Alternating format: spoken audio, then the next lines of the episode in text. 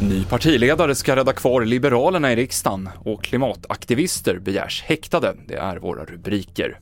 Vi börjar med att berätta att en tonårspojke har blivit knivhuggen på en gymnasieskola i Uddevalla. Hans skador bedöms inte vara livshotande och en man i 20-årsåldern greps på skolan och han är misstänkt för mordförsök, uppger polisen. Vidare till dagens stora politiska nyhet. Nyamko Sabuni har avgått som partiledare för Liberalerna och hon ersätts av Johan Persson.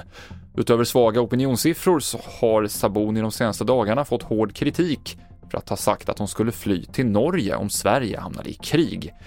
Något som Johan Persson fick frågor om på sin pressträff.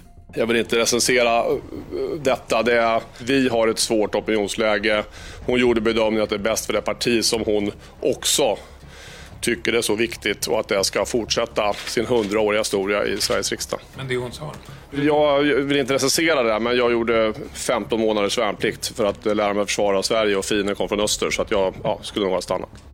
Och så här säger vår politiska kommentator Ulf Kristoffersson om Johan Persson som fram tills idag varit Liberalernas gruppledare i riksdagen. Eh, och han har ju också varit den som har företrätt eh, Liberalerna i partiledardebatterna efter, eftersom Nyamko Sabuni inte har någon riksdagsplats. Så att han är erfaren, varm i kläderna. Han är också en mycket erfaren politiker. Han har suttit i riksdagen sedan 1998 Eh, han är född 68 så att han är ingen, eh, inte fjunig heller utan eh, en vuxen man som har varit med i politiken länge.